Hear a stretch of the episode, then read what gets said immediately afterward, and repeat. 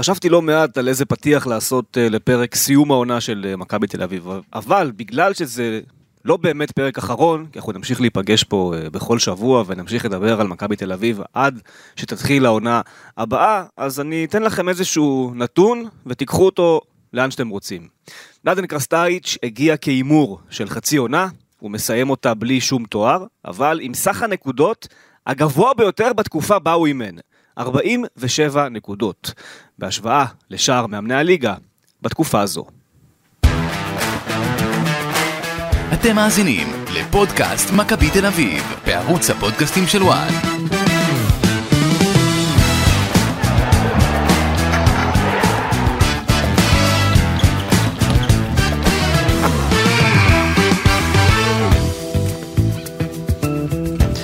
שלום אורן קדוש.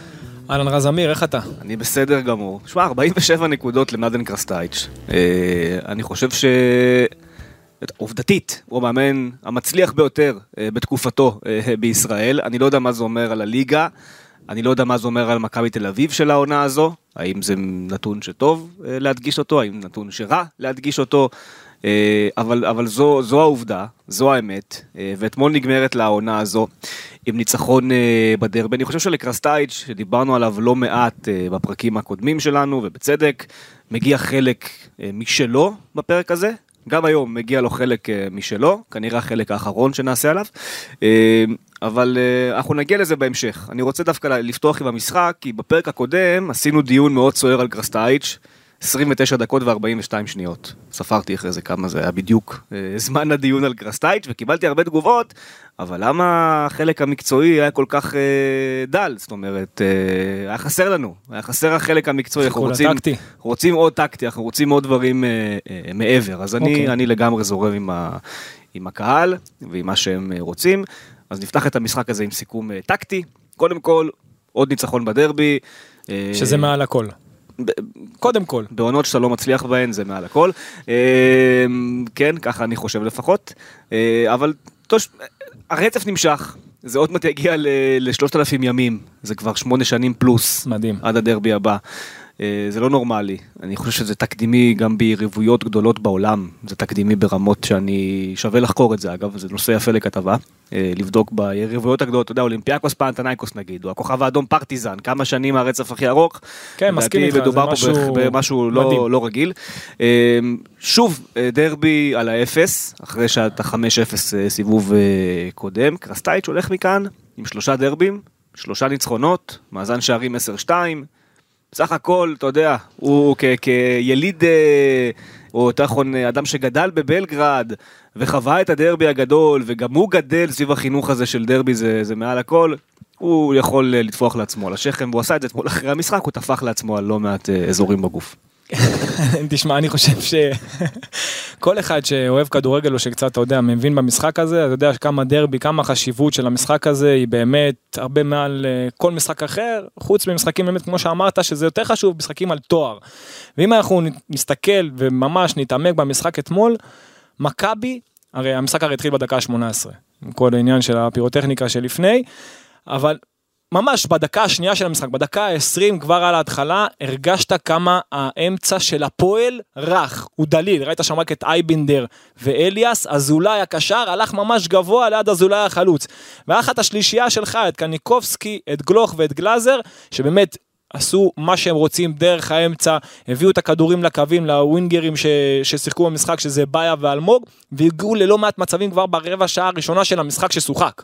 זאת אומרת עד הדקה ה-35 הגעת ללא מעט מצבים, גם של יובנוביץ', גם של אלמוג עם השמאלית עם החיתוך פנימה. אה, עוד מצב אחד של אלמוג ליובנוביץ'. אה, אה, גלוך הגיע לעוד מצב אחד טוב, ככה שבאמת הצליחו להגיע למצבים דווקא דרך האמצע. היה ממש יחסית נוח, עד שאזולאי כבר החליט לרדת מדרגה והפועל ממש חיכתה נמוך. בחצי הראשון, מכבי שלטה ב-62% מהזמן. עכשיו תגיד לי זה טוב? אני אגיד לך שזה לא טוב. למה? כי הגעת למצבים האמיתיים שלך, דווקא לא דרך הנעת כדור, לא דרך שליטה, דרך יכולת אישית, דרך כדורים ארוכים, שם גם עשית את השערים שלך. דרך אגב, אם אנחנו מסתכלים על ה, בכלל על הגולים של מכבי בתקופה האחרונה, זה או כדורים ארוכים, או יכולת אישית, או מצבים נייחים, זאת הדרך של מכבי בעונה הנוכחית, כי באמת אין יותר מדי יכולת. עם כל הכבוד, עזוב שניצח- שמכבי ניצחה עכשיו את הדרבי, צריך להסתכל על המציאות כמו שהיא. ניצחת את המשחק הזה דרך כדור ארוך קודם כל של פיבן, נגיע גם אליו. ועד הדקה 45 אה, הרגשת את השליטה היא הייתה יותר אופטית. למה ראית יותר מדי את פיבן לסבורית, סבורית לפיבן, את גלאזר בחצי הראשון פחות ראית אותו יורד מדרגה, כי אזולאי, כמו שאמרנו קודם, יצא ביחד עם אזולאי החלוץ, היו שניים מול שניים. עד הדקה השמיני של תוספת הזמן של המחצית הראשונה, פתאום גלאזר ירד מדרגה, ואז יכל לקבל יותר ולייצר יתרון מספרי של שלושה מול שניים. וזה שחרר קצת יותר את האמצע, הוא כל פעם, אתה, אתה רואה שזאת הוראה טקטית, שאתה ראית את גלאזר, אה, שהוא שיחק כשש שוב, שהוא כל פעם מנסה למצוא את המשבצת הריקה מעל, הוא לא ירד מדרגה עד הדקה השמינית של תוספת הזמן של החצי הראשון. וזה ממש הקשה על פיבן וסבורית להתקדם עם המשחק. כשהוא עשה את זה מהדקה השמינית של התוספת, פתאום מכבי כן הצליחה לייצר משהו יותר דרך האגפים, פתאום המגנים, ג'רלדש ודוד זאדה יכלו לצאת קצת יותר, ובחצי השני זה בא לידי ביטוי ש, שממש דוד זאדה יצא הרבה יותר קדימה. כן. הרגשת שמהצד הזה יכול, יכולה לבוא הבשורה, אבל אז קרה משהו שאותי קצת אכזב מבחינתה של מכבי תל אביב. היה את החילוף של אה, ריקן על באיה. עכשיו, באיה, קודם כל בוא נאמר, זה לא המשחק הכי טוב שלו, אמנם הוא שני בדריבלים מוצלחים, שזה יפה מאוד לשחקן שפעם ראשונה עולה בהרכב, אה, שחקן שעולה מהנוער, שנה ראשונה נוער, אבל לא היה המשחק הכי טוב שלו. אמנם בדריבלים הוא עשה עבודה לא הכי, לא הכי רעה, ודווקא מבחינה טקטית הוא ידע לחייץ כמה פעמים שחיפשו למצוא את המסירה מלמפקין לדוידה, אז הוא ידע לסגור יפה ולצאת למעבר יפה דווקא מצידו. אה, דווקא טקטית הוא היה טוב, שזה הדבר שהוא בעצם אומרים עליו שהוא פחות טוב, הוא היה באמת בעמידה טובה. אבל זה שהוא הוציא אותו ושם את ריקן, הוא הפך עוד פעם למערך שהוא לא מאוזן. אלמוג עבר שמאלה, ריקן לא היה באמת בצד ימין, הוא וקניקובסקי היו אמצע ימין, פעם זה, פעם זה. עוד פעם מערך הלא מאוזן, ואז אמרנו, אם כבר, אז תן ליובנוביץ' ולפריצה. אבל לא, נתן לי ריקן, זה היה באמת כאילו משחק שלא הולך לשום מקום. זה היה משחק שלא הולך לשום מקום עד הדקה ה-75. בדקה ה-75, עוד קרה עוד קודם משהו עם פיבן, אבל בדקה כן. ה-75 פיבן החליט, נמאס לי מכל הנעת כדור ה... אוקיי. לא זה- מובילה זה לכלום. רגע המפתח של המשחק. בדיוק, הלא מובילה לכלום. נכון. ופיבן שהוא ידוע בתור שחקן שלוקח סיכונים אם כמגן, בעיקר כבלם, זה לפעמים בא לרעתו, לא מעט פעמים יש לו תמיד במשחק את הפעולה הזאת שיכולה לייצר שער דווקא ליריבה, וזה כמעט קרה במשחק הזה, אבל הוא נתן כדור ארוך אחד שהוא ראה את הגנת הפועל טיפה גבוהה. ובחצי השני, מה שמוביל, איך, הוא, איך זה קרה בעצם? בחצי השני, לפני שניגע בכדור הארוך ספציפית מה קרה שם, מכבי לא שלטה 62% מהזמן או יותר, שלטה 52%. ממש היה משחק מאוזן בהחזקת כדור. אוקיי. וזה, זאת אומרת, הפועל הרגישה שהיא כן יכולה לעשות משהו במשחק, וכן קצת יצאה יותר קדימה, וכן החזיקה את הכדור. ואז פיבן עם פעולה אחת נכונה, של כדור עומק נכון, שהכדור פגע שם על הארץ, למפקין שם טעה, א' ב' של הגנה זה לא לתת לכדור ליפול על הארץ, לא משנה מה. הכדור נחת על הארץ, הגיע לראש של יובנוביץ', תנועה גדולה של פריץ על העומק, שהרי למקין נצמד אליו, ואז הוא השאיר חור מאחור. ופריצה נכנס בדיוק לעמדה הנכונה, פריצה גלגל מול השער בתנועה, קודם כל תנועה נכונה לעומק ומול השוער עשה זאת נפלא, 1-0 למכבי ועכשיו הפועל צריכה להמר יותר, ואז עוד דריבל אדיר של גלוך בדקה ה-82 אה, מול גוטליב, כאילו הוא השחקן בוגרים והוא השחקן נוער, יציאה מהמקום אדירה שלו, כדור עומק נפלא ליובנוביץ' שיצא לו מין אה, בישול. מצחיק כזה, אבל עדיין בישול, לריקן שידע לסיים את זה יפה, וכך הסתיים לו המשחק. פעולה אישית אדירה של גלוך, כדור ארוך נכון של אה, פיבן, כך ניצחת את המשחק. כן. לא מאיזה הנעת כדור טובה ששלטת ותקפת גלים גלים, מעבר מצד לצד, היו לך כמה דקות טובות. בפתיחת החצי השני, עד החילוף של אה, ריקן, ובחצי הראשון בדקות הראשונות, שהג... שהמרכז הקישור של הפועל היה רך. כן. חוץ מזה, לא היית טוב במשחק. אבל מה? היית הרבה יותר חד, הגעת לתשעה איומים למסגרת מול אחד בלבד של הפועל תל אביב. זאת אומרת, אתה היית במשחק לגמרי, מבחינת מצבים הם בכלל לא, אז זה היה עניין של רק אם תנצח אותו, לא תפסיד אותו. היה להם רק מצב אחד למסגרת של דוידה, שהם עשו מהלך יפה, שהגיעו עד קו הרוחב של איידנר הוציא לו. חוץ מזה באמת, עשית משחק שגלוך ראשון בדריבלים, חמישה דריבלים מוצלחים, אה, שזה אומר הרבה, באי השני. חמישה מתוך תשע, באיה שניים מתוך שלושה, אילון אלמוג גם שניים מתוך אה, שלושה. אה, תוך כדי המשחק אה, קיבלתי הודעה מאדם במכבי, שאמר לי, רק אל תגיד שהכדור הארוך של אה, גלאזר לאלמוג זה בגלל הפודקאסט. שלא ניקח קרדיט גם על זה. אז אה, אני, אני חייב להגיד, אנחנו אולי חלוקים פה בדיון הזה, תכף אתה תגיד לי אם אנחנו חלוקים או לא, אני חושב שדן גלאזר אתמול היה במשחק טוב מאוד, אה, זו דעתי האישית. אה, כמובן הוא נתן את הדברים שאנחנו מקבלים ממנו בכל משחק, אה, 12 חילוצי כדור, הכי הרבה על אה, כר הדשא, לא רק שזה הכי הרבה על כר הדשא, כל הקישור ביחד של מכבי אתמול חילץ שלושה אבל דיברנו כדורים. על כך שבחילוצים הוא אדיר. כן, אבל אתמול שיחקו בקישור של מכבי תל אביב גם שרן ייני, גם אבירי כאן, לא, אבל גם אוסקר גלוך. שבע דקות. לא משנה, גם אוסקר גלוך, גם גבי קניקובסקי כמובן, וגלאזר, חמישה קשרים, חילצו ביחד שלושה כדורים, גלאזר עם 12 חילוצים. גלאזר בחילוצים זה שחקן אז אירופאי. הוא, יפה, בוא, אז הוא שחקן עושה- אירופאי אז- לכל אז דבר. אני, אבל, אז הוא עשה דברים יפים אתמול בחילוצים אבל- כמו תמיד. אני באופן אישי התמקדתי בגלאזר כמעט כל המשחק. רציתי לראות איך הוא משחק, מה הוא עושה, האם יש איזושהי הפקת לקחים, איזושהי למידה, כי המשחק האחרון מול באר שבע היה באמת רע, וראיתי שחקן שבעיקר בחצי השני בא לקבל כדור בחצי תפנית, שפתאום משתחרר מהשמירה בתנועה, שמקדם את המשחק קדימה, שלא כל הזמן מוסר רק ימינה ושמאלה או אחורה.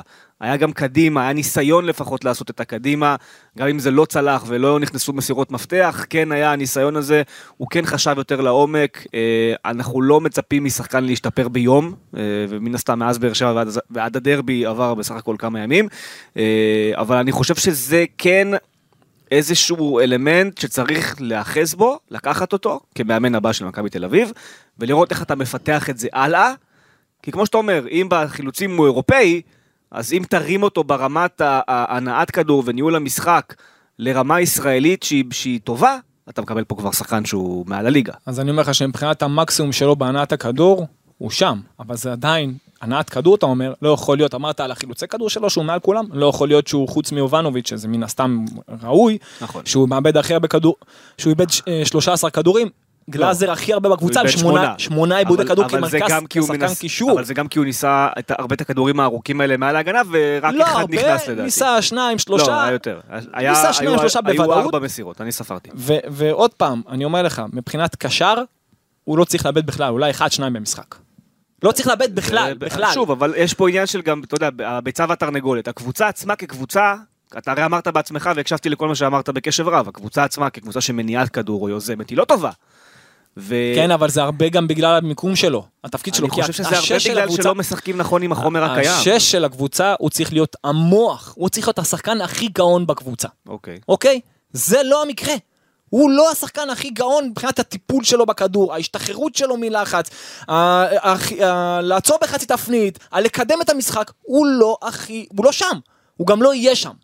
אוקיי, הוא שחקן מצוין, יש לו את האיכויות שלו, אבל להיות השש של הקבוצה, זה שמניע את הקבוצה, זה, אני אומר לך עוד פעם, תסתכל ברמות הגבוהות, פרליגה, שוב, הכל אה, באופן יחסי, הברוזוביץ' של אינטר, כן. או הבוסקט של ברצלונה, או הווראטי של אה, פריז, או לא משנה, אתה יודע, השחקנים מהסוג הזה, זה לא השחקן שאתה צריך, זה לא השחקן שלך במכבי, שהוא צריך לנהל את המשחק מאחור, אוקיי? עכשיו, אני לא אומר, אני גם אומר שההוראות שלו, שגם הוא קיבל אתמול וראית עד הדקה 45 פלוס 8 של התוספת, הוא לא ירד אף פעם מדרגה, אתה רואה שזה משהו מקובע של המאמן שהוא לא רוצה שירד ממש להיות נכון, בין זה מה הבלמים. שאני אומר, אני אומר, אז זה פה- קצת יש פה תוקע אלמנט אותו. שהוא משולב, זה גם הרי גם איך אתה, ההוראות, אבל, גם ההוראות, אבל בלי כל קשר זה שהוא זה שנמצא במשבצת שמעל הבלמים, של לקבל את הכדור אבל כבר מהבלמים, סיכמנו שזה לא אמור להיות המשבצת. נכון, זה אז להיות- בגלל זה- אתה אמור לפתור את זה על זה- ידי טקטיקה שונה. בדיוק, אבל זה מה שמכשיל אותו. זה מה שמכשיל אותו וזה מה שהופך אותו. מכשיל אותו היום. לא אומר היום, שזה אני- יכשיל אותו לכל פעם אומר, החיים. אני לא אומר שהוא שחקן לא טוב, הוא שחקן מצוין באיכו- במה ש- במה שהוא עושה הכי נכון זה החילוצי כדור בלשחק את הפשוט. שש צריך להיות, אני אתן לך את ההגדרה האידיאלית, זה הפירלו שאתה מדמיין. אני, אני אומר, אם אוקיי. ון אוברהיים, שמגיע מאוטרכט, ברמתו כהבנת המשחק, הוא כמו גולסה, אוקיי? אז לא צריכה להיות בעיה בעונה הבאה. חד משמעית, אני עוד פעם אומר, אם זה כך, הוא הרי השחקן, אה, יש הרבה ועדיין מאוד בתוך שחקנים, כל הסיפור הזה של אם נגיד השחקן שמגיע הוא ברמת הגולסה של לפני כמה שנים, מבחינת ההבנה, השחרור, הקידום משחק, אם בתוך כל זה גלאזר יעשה עוד איזושהי קפיצת מדרגה פנימית שלא קרתה העונה, ביכולות ההשתחררות שלו, לקבל את הכדור, כל הדברים האלה, אגב אצל ון לובן, היה, היו לא מעט מקרים, הרי על מה- על מה הוא חטף ביקורת ון לובן מתחילת העונה, שייני היה פותח עם גלאזר, ואז ייני ירד לקבל את הכדור, וכאילו גלאזר היה שמונה. כי הוא יותר נקי עם הכדור. כי ון לובן, לא, כי אני ון יכול לובן להבין ראה- דווקא כי את ון לובן החשיבה ראה. את מה שאתה מדבר עליו, נכון. הוא רצה שגלאזר יש- ישתחרר לעשות את הדברים שהוא טוב בהם. נכון, עכשיו אם תעשה את דרך זה, אגב, ת- אל תסתכל רק על הקטע הזה, תסתכל גם, אם הוא בעמדה קצת יותר גבוהה, גם הוא יכול לעזור יותר בלחץ דווקא מקדימה. נכון, להרוויח שם את הכדורים. זה מה שוון לובן ניסה לעשות העונה ולא הצליח, אבל לא מהסיבות הנכונות. נכון. הרבה דברים אחרים הוא עשה לא נכון ולכן הוא נכשל. אה, אבל זה כן איזשהו רעיון שצריך לראות איך מפתחים אותו לקראת העונה הבאה, אבל שוב, אנחנו לא יודעים איך המאמן הבא ישחק, באיזה שיטה, זה דברים שאנחנו פה בדיון תיאורטי. אתה יודע, קונטה עשה את זה, אה, עשו את זה הרבה לפניו. עשה את זה ביובנטוס בזמנו, שהוא לקח את פירלו הרי כמובן, שהוא, היה, שהוא הביא אותו אחרי שחשבו שהוא גמור, הביא אותו כשש, ומעליו היו שניים, וידל ופוגבה. אתה מבין? או מרקיזיו. אבל עכשיו נכון. שניים האלה הם יותר לחצו ודחפו, והוא בא, כל פעם מקבל את הכדור מהבלמים, משתלט, ניהל, ניווט, זה מה שאתה מצפה מהשש שלך, אוקיי? וזה זה הצד הפחות טוב של גלאזר, מבחינה הגנתית הוא אדיר במיקום הזה, אם הייתה קבוצה שמשחקת על, על אה, מעברים, הוא אדיר למיקום הזה, קבוצה שמשחקת על הנעת כדור, שמנסה לייצר בילדאפ מהשוער, לתפקיד הזה צריך שחקן שהוא גאון כדור. אגב, מכבי תל אביב של איביץ', שאני עדיין מעריך שרוב הסיכויים שהמאמן הבא יהיה איביץ'. מכבי תל אביב של איביץ' בעונה הראשונה, לא בשנייה, בשנייה זה כבר היה קבוצה אחרת. בעונה הראשונה, כשלא הכירו אותו ולא ידעו, עד נובמבר בערך, ששם בעצם נפתח כל הפער, אל תשכח מי שיחק לידו. לא משנה, אני אומר, מכבי אבל חיכתה נמוך מאוד, והייתה טסה קדימה על אלירן עטר ועומר אצילי, נכון. וצ'יקו פואדו, ואלי. דסה ו- וזה. נכון, על המעברים, ושם גלאזר היה ענק, וגם אדיר. בעונה השנייה. גם בנתניה שהוא שיחק נכון. ככה זה- זה אדיר, אין אז, מה לעשות. אז שם הוא בעצם עלה, שם, נכון. שם הוא עלה, ו- ולכן זה גם, אתה יודע, זה מאוד תלוי מי המאמן שמגיע ואיך הוא ישחק, ומה יהיו השחקנים אבל זה בכנפיים שלו. אבל זה הקטע שבמכבי, אתה אחד שרוצה לראות את מכבי שלך יוזמת, שולטת, אתה רוצה לראות אותה מניעה את הכדור כמו שצריך מצד לצד, עם שליטה אבסולוטית כמעט נגד כל יריבה בכל משחק, ולכן אתה צריך את השחקן הזה לא משנה מה. אז בוא נעבור ל- באמת ספציפית למשחקים אחרים, שאתה אומר אוקיי בוא ניתן להם ליזום ונעבור אנחנו למעברים, כן. עכשיו אתה צריך, אתה יודע, שחקן אולי בסגנון הזה. אבל באופן אה, כללי אתה רוצה לראות קבוצה ששולטת. אני אתן ו- עוד איזה, ש... אני שוב אגע באיביץ', כי אמנם הוא לא סגור, כן, אבל אני שוב, אני אחזור על זה שאני מעריך שהוא יסגור. אה, איביץ', אחד הדברים הגדולים שהוא היה עושה, וזה נגיד אמר איתי שכטר באחד הראיונות שהוא עשה, אה, הוא היה מביא לך כל משחק, לכל שחקן, הוא היה עובר שחקן שחקן שפותח בהרכב, הוא אומר לו, שני אלמנטים שאתה יכול לקחת אותם, ושני דברים שאל תעשה. ואיביץ' בקטעים האלה הוא, הוא גדול, הוא יודע באמת לזהות בדיוק בהכנה הטקטית עם הצוות המקצועי שלו והאנליסטים וישראל קקון וכל הדברים האלה, הוא ידע לזהות איפה השני דברים שאם גלאזר יעשה במשחק הוא יהיה ענק והוא היה עושה את זה. אבל דרך אגב, אני חייב לומר לך, גלאזר ענק במ- במה שהוא מפיק מעצמו. הוא מוציא מעצמו, אתה, אתה לא מבין, הוא מוציא מעצמו באמת, הוא יודע בדיוק במה הוא טוב ובמה הוא לא טוב. ולכן הוא ממש מנטרל כן, כמעט אומר, לחלוטין כשאתה מחבר לזה לא. מאמן שיודע גם מה- עם מה הוא מתמודד, אז אתה אמור לקבל את החבילה המושלמת שקיבלת הרי אתה בשתי לא רואה את העונות של גלאזר, איביץ'. אתה לא רואה את גלאזר מסתבך עם הכדור, ואם הוא היה עושה דריבלים אתה היית מזהה את זה נכון. עוד יותר. הוא לא שחקן של לא היית רואה אותו מוציא יותר חצים כי בזה הוא היה נופל, הוא, ב- הוא יודע בדיוק במה הוא טוב ובמה הוא לא טוב, הוא מחלץ הרבה, משחק פשוט, זה מה שהוא צריך לעשות רק בעמדה שונה, קצת יותר גבוהה. כן. טוב, אה, אז זה, מוב... בקישור. זה מוביל כמובן לדיון של מה עבד העונה ומה לא עבד העונה. ביקשתי ממך לבחור שני דברים שלא עבדו ושני דברים שכן אתה לוקח אותם כנקודות חיוביות. במה בחרת? מה שלא עבד העונה זה משחק האגף, וגם מפאת זאת שאתה יודע, שלא היו שחקנים נכונים, לא היו שחקני כנף עם הווינגרים האמיתיים שלך בקבוצה, שאני קורא להם, אתה יודע, אז עכשיו זה באי במחזור לפני האחרון, ולפני זה זה טל בן חיים וחוזז, שעלו אתמול לשבע דקות פלוס תוספת. אלו הווינגרים האמיתיים היחידים שלך, אלמוג מבחינתי הוא יותר עשר, קובאס הוא יותר עשר, הם כולם שחקנים של הרגל. אה, וזה משהו שאתה משחקני קו, אתה רוצה יותר תנועות שגם אפשר גם לשחק גם לעומק שצריך, אה, ול- ולדעת לרווח את המשחק. המגנים שלך לא מספיק עשו את העבודה שלהם לא רק בגלל... התפק... בגלל היכולת שלהם, גם בגלל ששיחקת לא מעט מהזמן, מהזמן 4-4-2 יהלום והם היו צריכים לתפקד לבד הגנתית והתקפית, לשלוט לבד על הקו, זאת אומרת להיות מגן שלם. הגנתית והתקפית אין כזה בישראל בכלל, אולי סבורית יכול להיות כזה, אבל זה גם, זה מקשה עליו מאוד. אה, יותר אולי שנה, שנתיים אחורה, ומשחק האגף שלך לא היה מספיק טוב, אה, הנעת הכדור שלך מאחור, הבילדאפ שלך לא היה מספיק טוב, זה מה שפגע בך הכי, הכי הרבה. מה שכן היה טוב, כן. שזה מה שאתה פחות מצפה ממכבי תל אביב, דווקא במשחק המעבר. במשחק המעבר, בגלל ששיחקת לא מעט זמן עם שני חלוצים, ואחד ידע להוריד לשני, ושניהם חלוצים איכותיים מאוד, וגם הגול שעשית אתמול, הגול הראשון זה על משחק עומק ישיר, אה, דווקא בזה היית טוב, אבל זה מתאים יותר לקבוצות תחתית, לא למכבי תל אביב. כן, אבל זה אולי איזשהו אלמנט שאתה יכול עליו אתה- לבנות דברים הרבה אתה יותר צריך להיות אתה צריך גם לדעת גם מגוון, להשתמש בזה, אתה. צריך להיות מגוון. מגוון זה המילה. לא להיות נעול רק ל... הנה, עכשיו נכון, אתה בא נכון. נגד נתניה. אתה בא נגד נתניה, שנה הבאה יש לך את כל הכלים.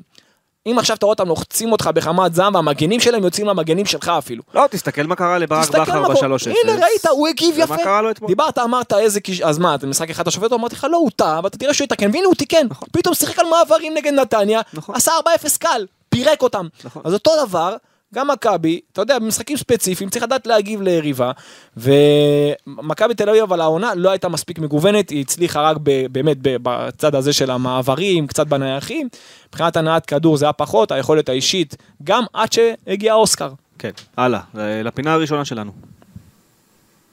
נתון לוויכוח.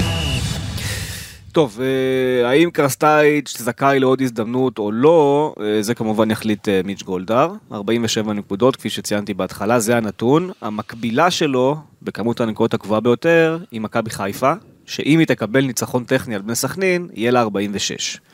אני מניח שזה מה שיקרה. כרגע זה 43. אוקיי? היא כמובן יהיה לה עוד שלוש נקודות שהיא לא שיחקה אותן. אנחנו לא יודעים מה היה קורה במשחק שלא שוחק, אבל זה המצב. בכל מקרה, הוא מעליו בנקודות, הוא מעל ברק בכר אה, בנקודות. שזה, אגב, גם פטריק ון לובן יכול להגיד על התקופה בדיוק. שלו אה, בעונה שעברה. בדיוק.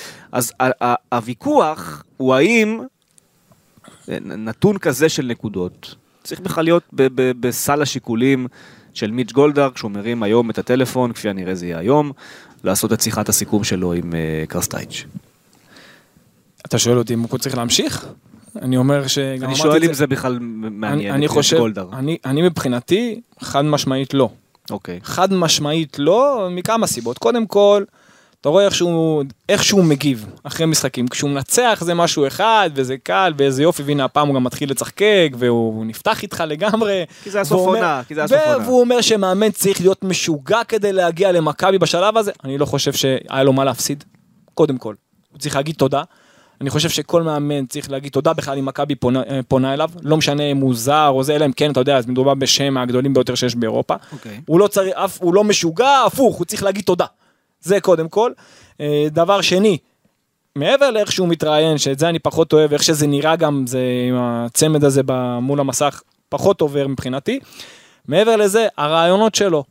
הרעיונות שלו פחות טובים, לשחק במשחק, פתאום אה, השינויים שלו מ-4-4-2, יהלום, לפתאום אה, 4-3-3, ובלי סיבה, ודיברנו על זה כל כך הרבה בפודקאסטים האלה, אתה רואה שמבחינת הרעיונות שלו, החשיבה שלו, הוא עושה דברים, הוא מהמר פשוט סתם. אני מכיר לא מעט מאמנים כאלה, כאילו אם אתה תשאל אותו למה עשית את זה, אין, אין תשובה אמיתית. פתאום הצלחת לייצר יתרון מספרי בקווים, הקבוצה השנייה משחקת דרך האמצע, במקום להמשיך דרך הקו, אז הוא פתאום מתאים את עצמו ליריבה. הוא עשה דברים כל כך אה, הזויים השנה מבחינתי, שאמרתי לך, לא משנה איזה מאמן היה מגיע למכבי תל אביב, את המקום השלישי הוא היה משיג. מבחינת מבחן התוצאה, כן, הוא הצליח לעשות כמו שצריך, עשה יותר נקודות אמרת מכולם, אבל שוב, אני באמת חושב שכל מאמן שהיה מגיע למכבי, למקום השלישי הוא היה מגיע. בגביע ציפיתי ממנו ליותר, מבחינת איך שהקבוצה נראתה, ביכולת שלה ציפיתי ממנו להרבה יותר, בכלל מכל הצוות. אה, מבחינת הרעיונות דיברתי. הוא, הוא הגיע אבל בבור באמת גדול, הוא הגיע עם 22 נקודות לקבוצה אחרי סיבוב, זה בור ענק, ואיך ון לובן הגיע? ל- אני חושב לו יותר נקודות. זה לא משנה, איך אה, אריק בנאדו הגיע בזמנו למכבי חיפה? להגיע למקום שכבר הכל, אתה יודע, אפשר לקרוא לזה במרכאות בשפל, ולעלות זה הכי אני, קל, אני אין פה שום הימור. שהגביע מול באר שבע זה הנקודה הכי שחורה בקדנציה שלו. גם זה היה- ואיך שהתחיל הפלייאוף מן הסתם. זה היה קל מדי, זה היה קל מדי, אתה רואה, ראית באמת קבוצה שהיא לא מספיק יודעת מה היא רוצה מעצמה. היא באמת לא ידעה מה היא רוצה מעצמה. גם אתמול הניצחון באמת היה נטו של יכולת אישית וכדור ארוך. עכשיו אני צריך להכניס פה ויכוח צדדי, שהוא קשור בכלל לגולדהר, הוויכוח הצדדי הזה. אומר ברק יצחקי כבר לא מעט ימים, אנחנו לא עושים כלום עד סוף העונה. סוף העונה נתחיל לעבוד. זאת אומרת, ואני חושב, מה זה אני חושב? זה החלטה של גולדהר. גולדהר החליט שהוא לא מדבר עם קרסטייץ' לפני, והוא לא מחליט לפני, והוא לא סוגר מאמן לפני. אבל אה, אני, גולדהר יש לו היום על המדף את איביץ', שהוא מן הסתם מאוד רוצה להחזיר. יש את מאמן בנפיקה ליסבון היוצא, אה, נלסון אה, וריסימו, שהבנתי שדיברו איתו, אין שם הצעה רשמית, אין כאילו נייר. אבל מכיר כן, לא מעט שחקנים איכותיים. אבל כן הוא שאלו יכול- אותו- אם הוא יוכל להביא איתו שחקנים, זה... כן שאלו אותו מה יהיו הדרישות שלו והאם הוא רוצה להגיע, זה כן היה. אני אגב קראתי עליו אתמול, חקרתי עליו לפני פרסום השם שלו, מאמן שעשה עשור כעוזר מאמן של בנפיקה ב' נכון. בכלל, ואז קיבל את בנפיקה ב' כמאמן ראשי, ואז קיבל את אה, בנפיקה הבכירה פעמיים לקדנציות, פעם אחת חודש, פעם אחת לחצי עונה, שזה בעצם עכשיו. לא יודע, לי הוא מזכיר את אה, פאקו לופס של לבנטה. חשבתי שתגיד את ון לובן. לא, הוא מזכיר לי את פאקו לופס אה. של לבנטה ששידרנו אותו כן. בליגה הספרדית, שתמיד היה כזה מוקפץ ועוזר, בסוף הוא נהיה מאמן ראשי והוא היה סביר, אבל בסוף אתה יודע, דרכו נגמרה וזה גם לא אותו, level של מועדונים. כן. אני, אני עדיין חושב שהוא התוכנית גיבוי האחרונה, זאת אומרת זה איביץ', ואז אם לא איביץ' אז נראה מה עושים. אני, אני, אני כועס פה באיזשהו מקום על, אה, על מיץ' גולדהר שהדברים האלה לא נחתכו כבר היום בבוקר. אני חושב שאני אני בטוח שכבר יש דיבורים שאף אחד אולי לא יודע, אנחנו יכולים רק לשער. אני בטוח שכבר יש דיבורים מאמנים, אין סיכוי לא, שבעולם אני אומר, יש, שבשלב כזה אני, של אני העונה, מאוכזב מאוד שהיום בבוקר בשעה שמונה, יצאה ידיעה? לא יצאה ידיעה, תודה. קרסטייץ', אוקיי? ועכשיו בעוד שעה שלא לא תצא הודעת וולקאם אולי- איביץ', לא, אולי- לא, אולי לא היא יצא. כן תצא, אני, לא, אני- לא יצא, לא יצא. יכול להיות, לא יצא. איביץ', איביץ' נכון לאתמול בערב, טוען שהוא לא סגור. אני מאוד מאחל למכבי תל אביב שהיא תצליח להביא את איביץ', כי מכל הבחינות, מכל הפרמטרים, הקבוצה שלו תמיד, ראינו איך היא הייתה, איך הוא ניהל אותה, הייתה מאוד מאומנת, הוא ידע מה הוא רוצה מעצמו ומהקבוצה שלו, ידע מה להגיד נכון גם בתקשורת, מה שאתה משדר, אמרנו, זה לא פחות חשוב ממה שאתה באמת חושב, זה יותר חשוב ממה שאתה באמת חושב, זה, זה התפקיד של מאמן, והוא באמת מבחינתי הדמות האידיאלית. לאמן את מכבי תל אביב, אם יצליחו להגיע איתו לסיכום, הם יצטרכו גם לתת לו הרבה כלים, כי כרגע אין מספיק כלים במכבי תל אביב, היא לא נבנתה טוב, לא העונה הזאת ובכלל גם עוד לפני כן, ויש, צריכה להיות המון עבודה מאחורי הקלעים במכבי תל אביב, אוי ואבוי אם היא לא התחילה כבר. הבנתי. טוב, אגב לגבי, לפני שנייה אמרנו הנקודות של קרסטייץ' מול בכר, אז בזמן שאנחנו מקליטים יוצאת ההחלטה של בית הדין וזה 3-0 טכני לחיפה, אז זה 47 מול 46. אה, עדיין כמובן, הוא מקום ראשון בנקודות. אה, אני חושב ש... שבשלה העת לעבור לפינה הבאה. קדימה. ועכשיו, המלפפוניאדה. כבר עשינו דיון על הנושא הזה לפני שני פרקים או שלושה, אם אני זוכר נכון. 15 שערים יש עונה לסטיפה פריצה בליגת העל, מ-29 איומים למסגרת. מעל 50% של המרה לשער. יובנוביץ', תשעה שערים, שני בישולים בליגה. מעורבות בשער באופן ישיר כל 110 דקות. זאת אומרת, כל משחק ו-20 דקות יש לו גול. ואז יש לך את ערן זהבי, ששוב, אני, אני מכיר את השמועות ומכיר את הכל. הוא לא סגר בשום מקום עדיין, והוא גם לא קיבל שום החלטה. כמו שאני מנתח את זה, על סמך יותר מדי שיחות שאני מקיים בכל יום, וכבר יצא לי מכל החורים, ולא נראה לי שהחורים ייסגרו בקרוב, זה רק ימשיך לצאת משם. אה, זה או מכבי תל אביב, או ארצות הברית. יש את ההצעה מאולימפיאקוס, הצעה מאוד יפה. אני, על פי מה שאני שומע, וזו הדרך היחידה שלי בעצם לדעת אם זה נכון או לא, על פי מה שאני שומע, זה לא לשם הוא ילך. לא יהיה, אולימפ... למה? לא יהיה אולימפיאקוס. למה לא? כי- קרוב לבית, הרבה כסף. כי לא. כי אם יוון, אחלה א', אווירה, מזג לא- אוויר טוב. הכסף הוא לא כזה גבוה ביחס למכבי תל אביב. פי שניים, וגם אם כן, גם אם זה לא בדיוק פי שניים, וגם אם כן זה לא מה שיכריע את הכף לטובת לאן ללכת, וכי, אתה יודע, אולימפיאקוס הוא מגיע לשם, הוא החלוץ השלישי בהיררכיה, יש שם שניים בכירים מעליו, לא יודע, אני לא יודע אם זה מקום שאתה רוצה ללכת אליו בגיל 35. אמ, הוא רוצה להרגיש מלך. אני חושב שערן זהבי בתחושה שלו, וזה רק על סמך הרעיון שעשיתי לו לפני חודש, הוא, היעד הבא שלו זה גם היעד שבו הוא ירצה להשתקע. והוא לא ישתקע בפיראוס. אבל אם יהיה לו ארה"ב מקום טוב, אז שם זה כן מקום להשתקע בו אחרי הקריירה, ואם לא, אז ישראל זה ישראל, זה הבית שלו.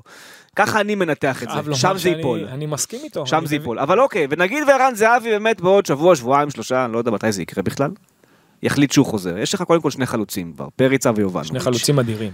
או, בדיוק, מה אתה עושה? יש לך בעיה. יש לך בעיה, תצטרך לדעת להיפטר מאחד מהם, הבאת את אה, אנחנו עדיין. בדעה של להיפטר מאחד מהם? אתה, אתה חייב, אין לך ברירה, אתה לא יכול להחזיק שני לא- זרים לא- ש, לא ששניהם הבשילה- אולי, שאולי שניהם ישבו על הספסל. לא הבשילה הדעה שאולי לא להביא את זהבי פשוט, וזהו? לא, זאת, אני אומר שוב, זאת אופציה, אבל אם אתה מחליט להביא את זהבי, כי בוא, אם עכשיו זהבי רוצה והוא יוצא בידיעה שהוא רוצה, אתה יודע מה יקרה במועדון אם הוא אומר שהוא רוצה ומכבי לא רוצה אותו? תהיה פה, אני- תהיה פה בעיה כן. קשה עם הקהל, תהיה נכון. פה בעיה מאוד קשה להנהלה עם הקהל. לא יודע אם מכל הקהל, אבל תהיה, זה לא, כן, תהיה בעיה. אם אבל הם מבינים עניין, והם מבינים עניין, הם חייבים, יש פה שני חלוצים פנטסטיים במכבי תל אביב. אז מה אתה- חלוצים מה אתה עושה?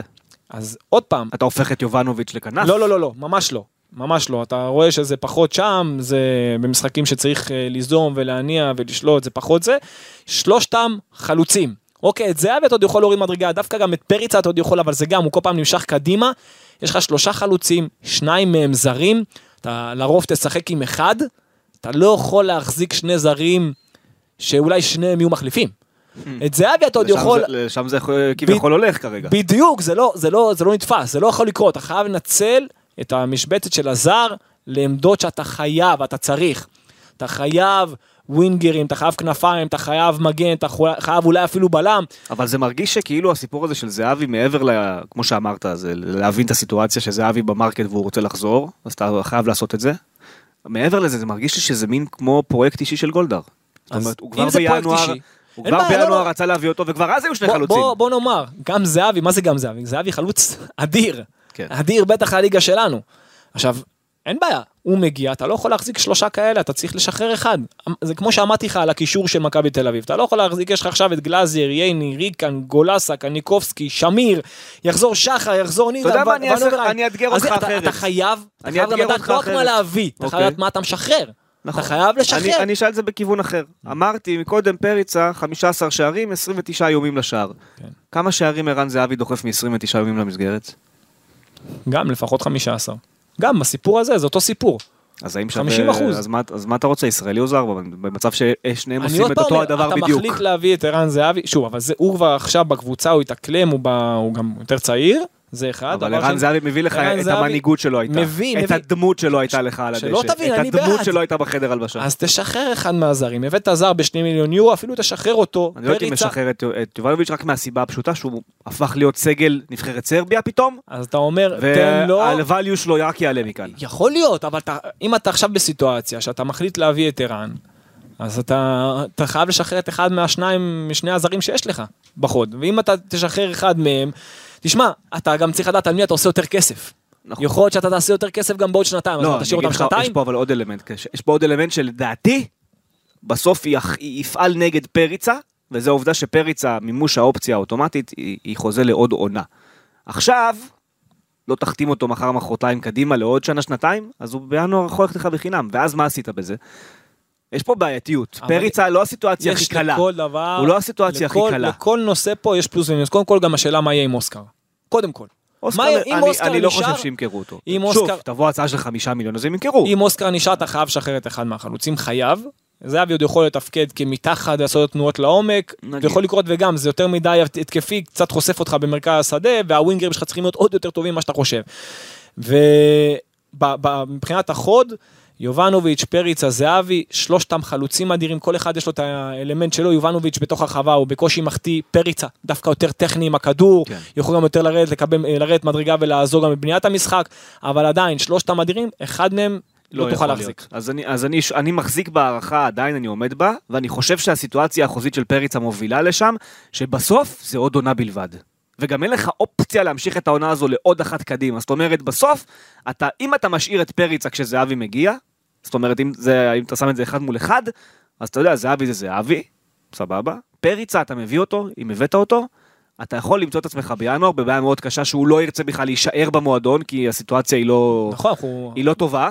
אנחנו אומרים בדיוק את אותם דברים. ו- ו- ואתה בעצם מאבד אותו בעונה הבאה, גם ככה בקיץ, בלי לקבל כסף. אם פריץ היה חתום כמו. יובנוביץ' לעוד שלוש שנים קדימה, אז היו עושים פה מלחמת הצעות. אתה מתקבל הכי הרבה ותמכור. רגע, אבל יש לי שאלה עליך, אם עכשיו אתה יכול להוציא נגיד על יובנוביץ' שלושה, סתם אני זורק לך מספר, שלושה או ארבעה מיליון יורו ועל פריצה 500 לא, אלף יורו. אם ת- אם יבוא לך, אם לפ...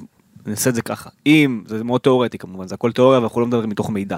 ערן זהבי מחליט בעוד שלושה שבועות על עתידו, אוקיי? למרות שסוכנו רונן קצב אומר עשרה ימים, אבל הם גם אמרו שהוא החליט בשלישי שעבר ובמרץ, אז אני, יודע, אני לא יודע מתי ההחלטה תגיע באמת. בוא נגיד, אותך. נגיד שתתקבל אחרי... הוא עושה לך תרגיל עם בפה, אני אומר לך. נגיד שתתקבל אחרי שהוא יחלים מניתוח המיניסקוס אה, שהוא עשה. נגיד וזה, שם זה יוחלט, אוקיי? כן. שלושה שבועות, חודש. אוקיי? אוקיי. אם עד החודש הזה תקבל הצעה של 4 מיליון על יובנוביץ', מכרת את יובנוביץ', נכון. פריצה, אתה מחתים אותו על חוזה יותר ארוך, ובכל מקרה יש לך אותו לעוד עונה, וממשיכים הלאה. אם דבר כזה לא קורה, פריצה, עם כל אהבתי אליו, אני מאוד אוהב אותו, הוא דמות, הוא קודם כל הוא דמות, הוא פיגורה. אנשים לא יודעים תראה כמה, תראה אנשים לא יודעים כמה גדול הוא היה בקרואטיה. כשהוא עלה. כן, לא נכון. יודעים, לא הוא היה יודעים. אדיר. הלך לצ'לסי, בגיל נכון. 19. אנשים לא מבינים כמה ענק הוא היה בקרואטיה כשהוא עלה, דיברו עליו כמו, אה, כמו שהסרבים מדברים היום על ולחוביץ', אבל לא התממש לו, לא, לא התממש ובסדר, קורה. אה, אבל אה, הוא, הוא ימצא קבוצה, ומכבי גם תוכל להרוויח עליו איזה כמה מאות אלפי יורו, ו- ובסוף זה הפתרון שאין, אין- זה, זה הכל מוביל לשם, אין לך בעצם פתרון אחר. אין לך פתרון אחר, אחד מהם צריך ללכת. כן, אנחנו ניגע בעוד אחד שהוא מאוד חם, ניר ביטון, שאתמול משתחרר אה, הרעיון שלו עם, אה, בפודיום של אה, חברנו אורן יוסיפוביץ', ואומר שם משפט שגם נחתך כי- כמובן באמצע, אה, אבל אה, המשפט היה מאוד ברור, אם אני מקבל הצעה מהצ'מפיונשיפ, שזה ליגה שנייה באנגליה, או מכבי תל אביב, אז אני בא למכבי תל אביב. מה שאני יודע על ניר ביטון זה שהוא מחפש קבוצות ב-level הזה של סלטיק, מכבי, בליגות שהן לא בבריטניה, שאורח החיים בהן הוא יותר נוח, גם אפשר לשמוע אותו אומר את זה אתמול בדבריו, שהוא נמאס לו כבר מכל ה... מהקור הזה. נסיעות לחורים וכל מיני דברים כאלה. נראה שהוא רוצה להגיע יותר למקום יותר נחלתי, כמו שאמרנו זהבי להשתקע, נראה שהוא רוצה כבר להגיע למקום שבו משתקעים, אה, בלי הטיסות, בלי כל הטרטורים. אה, אם הוא לא ימצא, אז הוא יהיה במכבי אה, תל אביב. אה, דעתך, הערכתך, איך אתה רואה את זה? אני כבר אמרתי דעתי עליו, שחקן פנטסטי, בלם, קודם כל משחק ראש נהדר, שולט בקצב המשחק, יודע לתת חצים כמו שצריך, טכניקה ברמה הגבוהה ביותר, יכול גם לשחק קשר אם צריך במקרה ש... על סמך, אני ה... חושב ש- על סמך הטיזר מהרעיון שלו, בכלל אפשר גם להאזין לרעיון המולה מי שרוצה, יהיה או לא יהיה? אני חושב שכן, יהיה. אני חושב שכן. אתה אבל יודע יותר טוב מכולנו, יהיה או לא יהיה? אני לא יכול להגיד לך שהוא יהיה. אוקיי. אני לא יודע שהוא סגור במכבי תל אביב. אני יודע אבל שמבחינת הישראליות, זו הקבוצה יש שלו. הצעה טובה. מבחינת הישראליות היא היחידה קודם כל, והיא זו שבאמת רוצה אותו, ואני מאמין ש... שאם הוא לא ימצא, יש לו סוכנים טובים, אז אה, אם הוא לא ימצא, אז מכבי תל אביב, כן, אני מאמין שזה יקרה. אני, אם אני צריך לתת אחוזים, אז זהבי בעיניי 70 אחוז חוזר, אוקיי. וניר ביטון זה 80 אחוז חוזר. חותם, וואלה, אוקיי. זה באחוזים. זה טוב למכבי. זה, אבל זה. זה טוב למכבי אם אתה סומך על שיקול אם אלו האחוזים. התפלגות האחוזים. שלי. כן. אה, אנחנו לא יכולים לסכם עונה בלי להתייחס לברק יצחקי. אה, פינה שדחינו אותה כבר כמה פרקים, באמת רצינו לראות איך זה נגמר. אה, תראה, ברק יצחקי מתחיל את העונה הזו כשהוא באיזשהו מקום, בוא נגיד כבר התחיל אותו בעונה שעברה עם דוניס וון לובן, הוא מתחת לפטריק ון לובן. ון לובן היה מעליו בהיררכיה. אה, ואז ון לובן יורד לקווים, ובתחילת העונה מודיע מיץ' גולדהר שוון לובן הוא המאמן, וברק יצחקי הוא מנהל מחלקת כדורגל, הוא בעצם מחליף את הסמכויות ביניהם. יצחקי כביכול עם הסמכות של הניהול המקצועי והטווח הארוך וכן הלאה, וון לובן זה רק לך תאמן קבוצה. אה, להגיד לך שזה היה בפועל, זה לא היה בפועל.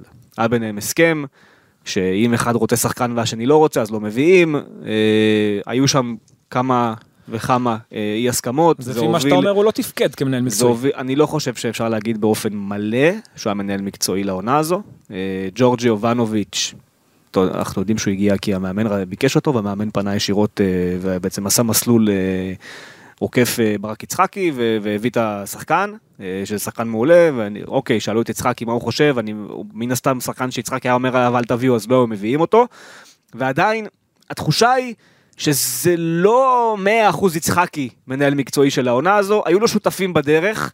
אה, הוא יש- גם לא- הוא גם לא הביא את המאמן לפי מה שאמרת. נכון, יש... אמרת שאנגלידי זה- זה שאלת השם זה שלו. לא אנגלידיס, זה סוכן שפנה לאנגלידיס ומשם הדברים התגלגלו. אוקיי. לא היה פה scouting, איתור ו- וזה.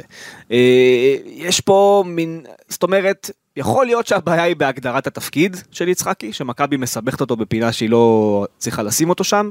יכול להיות שלקרוא לזה scout אה, ראשי, או אה, אני לא יודע, אני חושב שמנהל ספורטיבי נכון לעונה הזו זה לא ה title האמיתי. אה, אבל זה כן יהיה ה title שלו בקיץ הזה.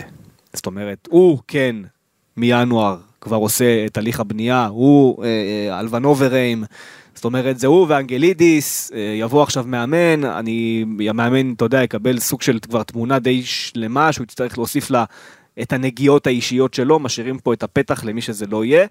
אה, ואני חושב שהנכון יהיה לשפוט את יצחקי כמנהל מקצועי רסמית, בעיניי לפחות, רק מהעונה הבאה. העונה הזו הייתה מעין סוג של עונת השתפשפות, התגלחות על התפקיד, בלי סמכויות מלאות. אתה יודע, מישהו אמר לי שמי שחושב שבמכבי המנהל המקצועי מחליט משהו אז הוא לא מבין, וזה תמיד יהיה אנגלידיס וגולדהר לפני. ובמכבי תמיד ככה מסבנים את זה באיזה תמיד משותף, זה משותף, וכל אחד, אני ממליץ, אני לא ממליץ. אני חושב שמכבי בהגדרות שלה עושה הרבה נזק ליצחקי, יכול להיות שגם יצחקי עושה נזק לעצמו כשהוא מסכים לדברים האלה. חד משמעית. אבל אנחנו כן בסוף נצטרך לתת ציון על הדבר הזה. הוא כן, בסוף המנהל המקצועי ככה המועדון הגדיר אותו, מנהל מחלקת הכדורגל ככה המועדון הגדיר אותו. היו שחקנים שהוא הביא, כמו פריצה, אחלה שחקן, היו שחקנים שהוא הביא כמו קובאס, לא שחקן טוב. אה, היה כמובן את ההחלטות להביא את נחמיאס ואוסאמה חלילה, אז נחמיאס, אני חושב שאנחנו נגלה בעתיד האם זה היה רכש טוב או לא, העונה הראשונה שלו היא לא עונה טובה, חלילה זה כמובן כישלון ענק, ולא היה שום סיבה להביא אותו, אה, בדיעבד. לא הבנתי, הוא הביא את כל השחקנים האלה, הוא הביא את נחמיאס, הוא הביא את אה, חלילה, הוא הביא את קובאס, הוא היה מנהל מחלקת הכדורגל באותה תקופה. הוא הביא את כל השחקנים? אני, כן, כן, כן, הוא הביא את השחקנים האלה, כן. זה לא שהם באו על, לא על, דעת, לא כן על דעתו. אז הוא כן תפקד כמנהל מקצועי. הוא תפקד כמנהל, בוא נגיד שבמקומות מסוימים כן, ובמקומות מסוימים שאתה חושב שהוא צריך לתפקד כמנהל מקצועי, בוא, אני לא חושב שהוא היה הסמכות הראשונה בהיררכיה. זו צריכה להיות היררכיה ברורה. היא לא... זו צריכה אוקיי. להיות היררכיה ברורה, ואני דיברתי על כך עוד בפוד הקודם. איך שהם מגדירים את התפקיד, ואיך שזה נראה, ההתנהלות. הם אומרים לך, אתה מנהל מקצועי, אבל אתה מאמן בוחר אנגלידיס וגולדהר. אז אתה לא מנהל מקצועי עד הסוף. לא, אתה לא אוקיי, מנהל מקצועי עד הסוף, הם צריכים לייצר סיטואציה במכבי תל אביב שאין בעיה, הבעלים ממנה, הוא שם את הכסף בסוף, אבל הוא מביא פה מנהל מקצועי שהוא צריך להגיד, כן, את המאמן הזה, זורם איתו. אז הוא אומר לך, תמליץ לי ואני אחליט. אז רגע, אם הוא ממליץ אז הוא אומר שהוא כבר אומר כן. אם הוא לא ממליץ עליו, אוקיי. יש פה בעיה, אבל אם עכשיו מישהו אחר, אנגלי, הוא לא אמר לא על קרסטייץ', זה מה שאני רוצה להגיד. הוא לא אמר לא על קרסטייץ', הוא אמר כן. הם, אז הוא אמר כן, אז הוא גם חלק מההחלטה לקחת את קסטייץ'. חלק מהתהליך, כן, באחוזים הוא לא, המוביל, אבל אם הוא אמר כן, אז הוא גם חלק מההחלטה לקחת את קסטייץ'. הרי אם הוא, מביא, אם הוא הביא את השמות, או שבא שם שמקובל לא עליו... הגיע שם, אמרו לו תבחן. הוא בחן את השם, דיבר עם קרסטייץ', אמר זה שם שאפשר להרים הלאה לגולדהר. אז הוא חלק מהבחירה של קרסטייץ', אוקיי. איך אתה אומר שלא? זה אין פה, זה לא אנגלידיס עם סוכן. אם הוא אמר, אוקיי, הוא ראוי. לא, מה שאמרתי זה שזה לא שם שיצחקי איתר לבדו, והביא אותו, ברור לי. אבל אני אומר שאם עכשיו זה לא, אם עכשיו אה, זה לא שעקפו אותו, ואנגלידיס הציע לגולדהר, וגולדהר עכשיו החתים אותו, וברק יצחקי לא יודע, ופתאום בא לו מאמן. זה לא, לא המקרה. אם הוא אישר את זה, הוא אמר אוקיי, זה מאמן שראוי להיות במכבי תל אביב, אז כמו שאמרתי, כולם יש להם את ההשפעה ואת ההחלטה ואת האשמה או לא אשמה או את הזכות להיות חלק מההחל... מההחלטה הזאת. הרי כולם החליטו שכן, שהוא מתאים, סתם דוגמה. וכנ"ל לגבי השחקנים, ההיררכיה חייבת להיות ברורה. באיך שאני רואה את הדברים, תקן אותי אם אני טועה. ואני חוויתי קצת אנשי כדורגל, מנהל מקצועי, אין בעיה שהמאמן אפילו יבחר את השחקנים. אין בעיה שאפילו המאמן, אתה יודע, תהיה לו פילוסופיה משלו, זה בסדר. אבל לפני שהוא מגיע, הפילוסופיה הזאת חייבת להיות תואמת למועדון. השחקנים שהוא רוצה להביא, המועדון צריך גם כן לאשר בדיוק, שזה מסכים, בדיוק, שזה נכון, תואם. נכון. המנהל המקצועי צריך להיות, בסופו של דבר, הוא צריך לראות שהמאמן הזה מקובל עליו, שהשחקנים שהוא מביא הם חלק מהתפיסת עולם ומהסגנון שמתאימה, במקרה הזה למכבי תל אביב, ואתה רואה פה שהביאו שחקנים לתפקידים לא נכונים, שהם לא מתאימים למכבי תל אביב. אה, חוץ מזה, גם המאמן עצמו, מבחינתי, לא מספיק מתאים למה שאנחנו היינו רוצים לראות במכבי תל אביב. בינואר הוא מביא שחקן שהוא מצוין, דיברנו על יובנוביץ' מצוין, אבל חסר שחקנים בעמדות אחרות יותר מאשר בתפקיד הזה, כי הנה יש לך את פריצה שהוא אדיר. נכון. אז אתה תביא שחקנים בכסף הזה, בשני מיליון יורו, תחלק אותם, תביא מיליון יורו כל אחד בשני ווינגרים. אוקיי, תביא עוד איזה מגן טוב. באיך איך שמכבי התנהלה, אין היררכיה ברורה, הם, הם משאירים פה את הפתח הזה כביכול שזה לא אשם וזה לא אשם ובעצם כולם אשמים. אבל יכול להגיד לך יצחקי או מישהו אחר לא נתנו לי לעבוד אבל מה זה אומר עליו? לא, לא, רגע אז מה? אני יודע דבר אחד אני מכיר מנהלים אני רוצה להגיד שיגיד לך יצחקי או מישהו בתוך המועדון אבל מה שחשוב זה שאנחנו בתוך עצמנו יודעים מי אשם ומי השמה לא מה שאתם אומרים בתקשורת.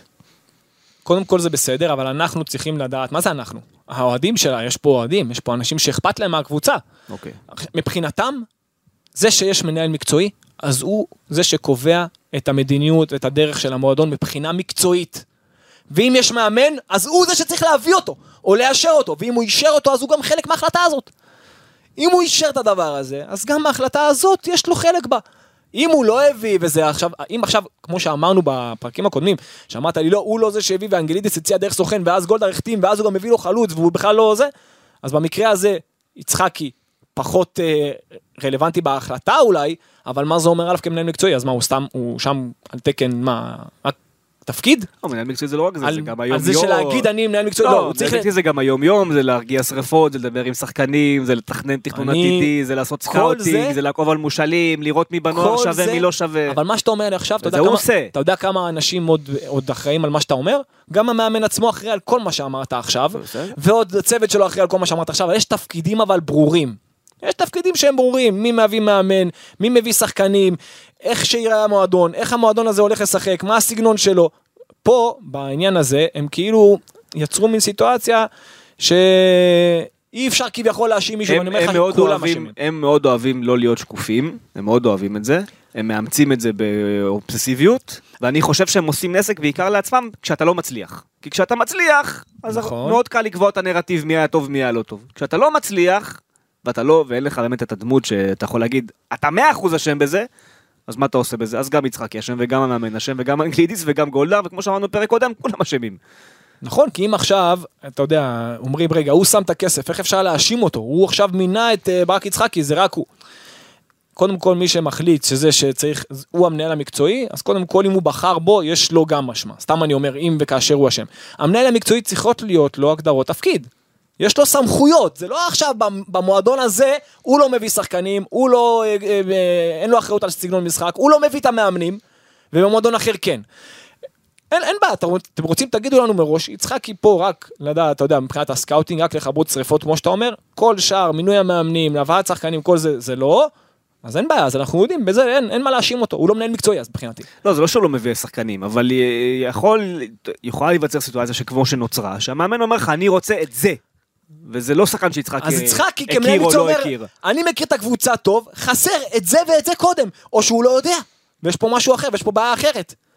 קודם כל, הקבוצה, בגלל זה אני אמרתי אז לך, יגידו לך שהיו מושקעים בלנסות לתת לקרסטייץ' להצליח בדרכו, ולא בדרך המועדון בגלל זה הפילוסופית. אני אמרתי לך, כל החשיבה מאחורי זה, איך שהביאו אותו, למה הביאו אותו, מאמן שמכיר כבר את הקבוצה, מכיר כבר את היריבות, הם היו צריכים להביא מישהו שמכיר אותם קצת יותר טוב ולדעת לחזק אותם בעמדות היותר נכונות. כן. שזה לא קרה. אוקיי, של- אז סיכמנו ב... בואו נסכם את זה במספר. ציון לעונה של ברק יצחקי הראשונה. חמש. גם רציתי להגיד חמש. זה. מאוד, מאוד בינוני. זאת לא, מאוד אי אפשר. להגיד אה, הצלחה, וגם, אתה יודע, אמרת השתפשפות כזאת או אחרת, אני חושב שהוא היה צריך לעשות את זה עוד קודם. שיהיה צמוד למישהו, היה צמוד. ש, שיהיה צמוד למישהו כמו שצריך, ושייתנו לו את הסמכויות לעשות את הדברים כמו שבאמת מנהל מקצועי צריך. ואז, אם לא מצליחים, אפשר לבוא אליו, לבוא אליו בטענות. אם לא מצליחים, הרי גם, אני חושב עכשיו נגיד על עצמי, או כל אחד אחר שקצת, אתה יודע, שמחזיק מעצמו. אני יודע שאם אני מנהל מקצועי במקום כזה, הדברים לא יכולים אחרי זה לבוא להאשים אותי, כי המנהל המקצועי פה הרי בהגדרה הוא צריך להיות אשם. בבניית הקבוצה, הזרים, המאמנים, ולכן הוא חייב להיות הרבה יותר, אתה יודע, אסרטיבי, לדעת להגיד זה וזה וזה צריך להביא לפה, את המאמן הזה, זה מתאים לפה. אם הוא יודע לעשות את זה נכון, מצוין, אם לא, אז לא. אני מסכים איתך, אז אה, יצחקי ציון חמש, ואני מניח שאם בעונה הבאה אנחנו נשב פה באיזשהו שלב ונגיד שהציון הוא עדיין חמש, יצחקי כבר לא יהיה מנהל מקצועי של מכבי תל אביב. אה, ושוב, אולי זה נוח להם, אולי זה נוח אה, להנהלה. יש לי תחושה שנתנו לו את העונה הראשונה הזו, ויבינו שיש איזשהו שכר לימוד שצריך לשלם, סיטואציה שהיא לא פשוטה. אני מאוד אשמח אם הוא יגיע אגב לפה וידבר, מה שיכול, על הכל. בוא, בוא נדבר מה ש, מה- למה צריך. מה מכבי כן צריכה? מה היא צריכה מיצחקי? שיפגע נכון בזרים, שיביא את התפקידים הנכונים. הוא חייב שש אמיתי. אם זה הצליחו להביא, אתה יודע, אם כבר ונובר, אם, כן, אם כן. זה הוא מתאים לזה אז מצוין, להביא שני ווינגרים ברמה הכי גבוהה שיכולה להיות, להביא מגן ימני, אם זה ישראלי, אם זה זסנו כזה. זה אומר, הקיץ הזה הוא מאוד משמעותי. הקיץ הזה משמעותי מאוד עבורו, ובחירת המאמן. הוא חייב לדעת איכשהו, מה הקשר שלו עם היחסים שלו, ובכלל גם של גולדהר, להביא את איביץ', שיסדר לו את הקבוצה, כי מבחינת החשיבה שלו למשחק, איך שהוא רואה את הדברים, הרעיונות שלו, מתאימים מאוד למכבי תל אביב. טוב, אה, יואב יכול להרים את אה, סאונד הפרידה שלנו. אה, כמובן, כמו שאמרתי הפתיח, אנחנו נהיה כאן לאורך, לאורך כל הקיץ, נכין אתכם גם לעונה הבאה, נסכם את העונה הזו שנגמרה. אני כן יכול להגיד לכם שיש כבר שני רעיונות סגורים מאוד מאוד מעניינים להמשך הדרך, עם אנשים מתוך המועדון, אתה שחקן, חייב סיפור אבל, שחקן ו- ואדם מתוך המועדון. אתה חייב למאזינים שלנו סיפור. אני חייב סיפור. אתה חייב סיפור, שיהיה קצר אפילו, אבל. אתה חייב סיפור, אתה כבר שני פרקים נתת סיפור, לא, פרק- ושאלו אותי לא מה עם נכון, הסיפור. פרק קודם היה סיפור. פרק קודם היה סיפור. כן? בטח שהיה. אז תן לנו עוד אה, סיפור. לדעתי עם אה, מוסא קונאטה. זה היה הסיפור. זה לא, זה היה פרק לפני זה, אני חושב. זה? אני חושב שכן, כן. והיה הסיפור על זהבי. היה את הסיפור על זהבי. תן עוד. סיפור. אבל אתה צריך לתת לי כיוון עכשיו, אתה מתקיע אותי עם בקשה לסיפור. דיברנו על לא, ברק יצחקי, יש לך על ברק יש- יצחקי? שאני לא יודע, אני לא לא יכול לספר אותו. זה בעיה, זה סיפור לסוף אה. קריירה. לא, לא, לא. זה סיפור אוקיי. אה, אחרי זה, לממואר שלי. אוקיי. אה, עכשיו אני לא יודע אם אני יכול לתת אותו. אה, זה בעייתי, אתה מבין? זה בעייתי. דיברנו על גלאזר הרבה העונה. תן על גלאזר. סיפור על גלאזר? כן. אה, גם פה אתה... מתקיל אותך? מתקיל אותי, כן. דברים שאני לא יכול לתת.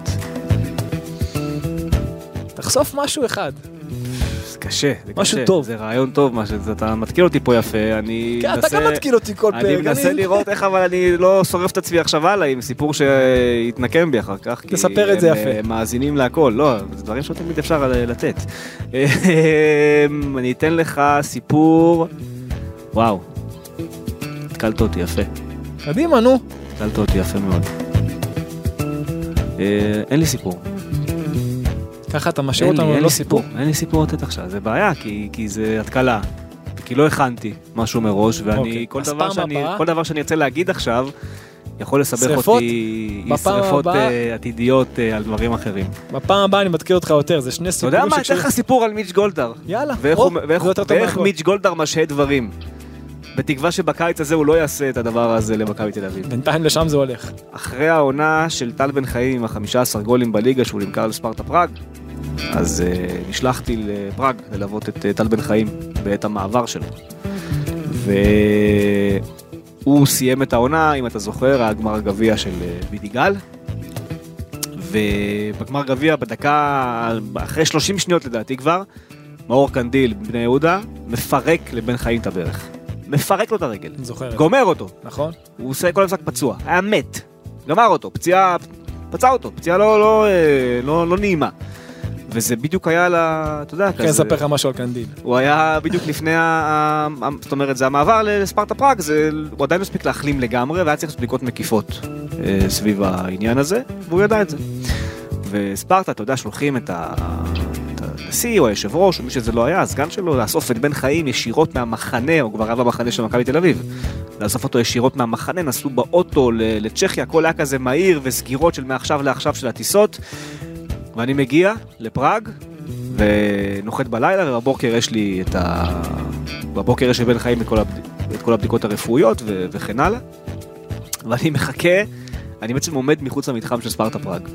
אני לבד, עם תיק על הגב ומצלמות, אוקיי. מולי סניף של מקדונלדס, ואני מחכה, מחכה שטל יבוא, מחכה שהוא יצא, מחכה להבין מה, מה קורה, כאילו, אתה יודע, כל זה שהוא שם, אני צריך ללוות את זה ולהביא מידע. שעתיים, שלוש, ארבע, לא. חמש, שש, שבע, שמונה שעות, אני רואה אותו פעם אחת, יוצא לבדיקות, חוזר, וזהו. וכשהוא חוזר מהבדיקות, אני אומר לו, מה, מה קורה? מה קורה, טל? הוא אומר לי, אני לא, אני, אני לא יודע, אני, אני מחכה לזה. אמרתי לו, הבדיקות היו בסדר? הוא אומר לי, כן, הכל בסדר בבדיקות. הכל טוב, כאילו. אמרתי לו, ומה עם החתימה? אני לא, אני לא יכול להגיד לך, אני לא יכול להגיד לך. באמת, קולה, אני לא יכול להגיד לך. עכשיו, באיזשהו שלב, גם הצ'כים כבר הרגישו לא נעים. כי הם בעצמם יוצאים חוזרים, יוצאים חוזרים, יוצאים חוזרים. אתה יודע, דובר המועדון וזה. ואני אני עומד שם. והם מבינים שאני בשבילו, הם יודעים שאני בשבילו, וגם סגרנו שכשקורה החתימה וההצגה, אני נכנס פנימה לצלם אותו ולראיין אותו כשחקן ספרטה. זה היה הסגירה שנסגרה תוך כדי שם. כן. והם יוצאים אליי באיזשהו שלב אחרי שמונה שעות, יוצא אליי, לא, לא, אני לא יודע אם זה הדובר או מישהו מהמערך של התקשורת שלהם. הוא אומר לי, תשמע, אני, אף אחד לא יכול להגיד לך את זה, כי באמת מבקשים שלא יגידו לך את זה, אבל הסיבה שאתה עדיין פה זה כי העסקה לא נחתמה. עכשיו, אני מגיע לשם מתוך ידיעה שהעסקה סגורה וכל מה שנשאר זה הבדיקות הרפואיות. אני אומר לו, מה זה העסקה לא נסגרה? אז הוא אומר, אנחנו מבחינתנו סגרנו, יש סעיף שחרור, הוא ידוע, שילמנו אותו. העסקה לא נסגרה, אמרתי לו, מה, מה אתה אומר לי פה בעצם? אז הוא אומר לי, אל תכתוב את זה, כאילו, אל תזה. אבל הבעלים של מכבי תל אביב, לא חותם. הוא פשוט לא מגיב להודעות שלנו עד עכשיו. אנחנו מחכים שהוא יגיב למייל ויגיד שהוא אישר את העסקה. ועד שהוא לא אישר את העסקה, אנחנו לא יכולים להתקדם. אנחנו מחכים לחתימה שלו על הדף. אחרי תשע שעות, הגיעה החתימה על הדף, והכניסו אותי פנימה. אה, וזה מיץ' גולדהר, יש לו את הזמנים שלו. טוב, גם בשעות הפוכות. ובוא אל נ- תשכח. בוא נאמר שבאותו הזמן השעות לא היו הפוכות כדי שזה ימנע ממנו לחתום את העסקה. משך את הזמן. אה, זה מיץ' גולדהר, הוא עובד בש- בשעות שלו. יש את הסיפור המפורסם שהוא אמר לערן זהבי בתוך המשא ומתן טוב, כאילו ערן, אתה, של אז, של סין. כאילו עם כל הכבוד אני אוהב אותך והכל אבל יש לי עסקים לנהל אני צריך לנהל אימפריה של מיליארדים כאילו בוא עם כל הכבוד. בוא, בוא נרד כאילו, כן. תשחרר אותי תן לי לעבוד אז אני יכול להבין גם את הצד הזה של גולדהר אבל זה חלק מהמחיר כשהבעלים שלך הוא מיליארדר שעד היום מנהל את כל עסקיו באופן אישי מדהים. בלי יותר מדי אה, אנשים סביבו. לא פשוט. רצית כן. סיפור על קנדי? סיפור על קנדיל נו. קנדיל אמרת את הפצצה הזאת בהתחלה במשחק אה, מול טל בן חיים. אז קנדיל עוד לפני, שהיה בבני יהודה, הייתי שם בצוות של הנוער, והבאתי לשם שחקן ממכבי תל אביב בחינם, בתחילת העונה, בהכנה. אוקיי. הבאנו שחקן שמכבי שחררה, הקבוצה לא רצתה אותו, אחרי זה אני אגיד לך את השם שלו, אוקיי. ומי מקבל אותו על הקו? משחק אה, כנף שמאל, והוא שורף את הקו על הפעם, דקה ראשונה, דקה שנייה, ולוקח אותו באחד על אחד את קנדיל. אתה יודע, שחקן אה, בוגרים, בני יהודה, בא שחקן נוער, ועושה כן. לו שם... קנדיל עכשיו, אני מכיר אותו ברמה האישית. אומר לי, מי זה הדבר הזה? בוא'נה, אני מפרק אותו עכשיו, כאילו, הוא בא לו עוד פעם, אחד באחד על אחד, בום, נתן לו פצצה. אמר לו, "צ- תזהר, תזהר פעם באה להתקרב. עזוב שהוא המשיך לעשות את כל המשחק. כן. מי זה השחקן? הזה קראו ירדן שואה. ירדן שואה, יפה מאוד. יפה מאוד. אז גם קיבלתם פה סקופ על האיש אה, שלקח את שואה ממכבי תל אביב לבני יהודה. כן. יפה. אורן, תודה רבה. אה, אנחנו אה, ניפגש כמובן אה, בשבוע הבא גם. אתה רוצה שניתן לך, שניתן ספוילר לקראת אחד הרעיונות שאמור להיות פה? אנחנו נשמח, אני אשמח. אתלטיק בלבאו. זה הספוילר. אוקיי, אתלטיק בלבאו. אוקיי. יאללה, אורן, תודה רבה. כל. טוב.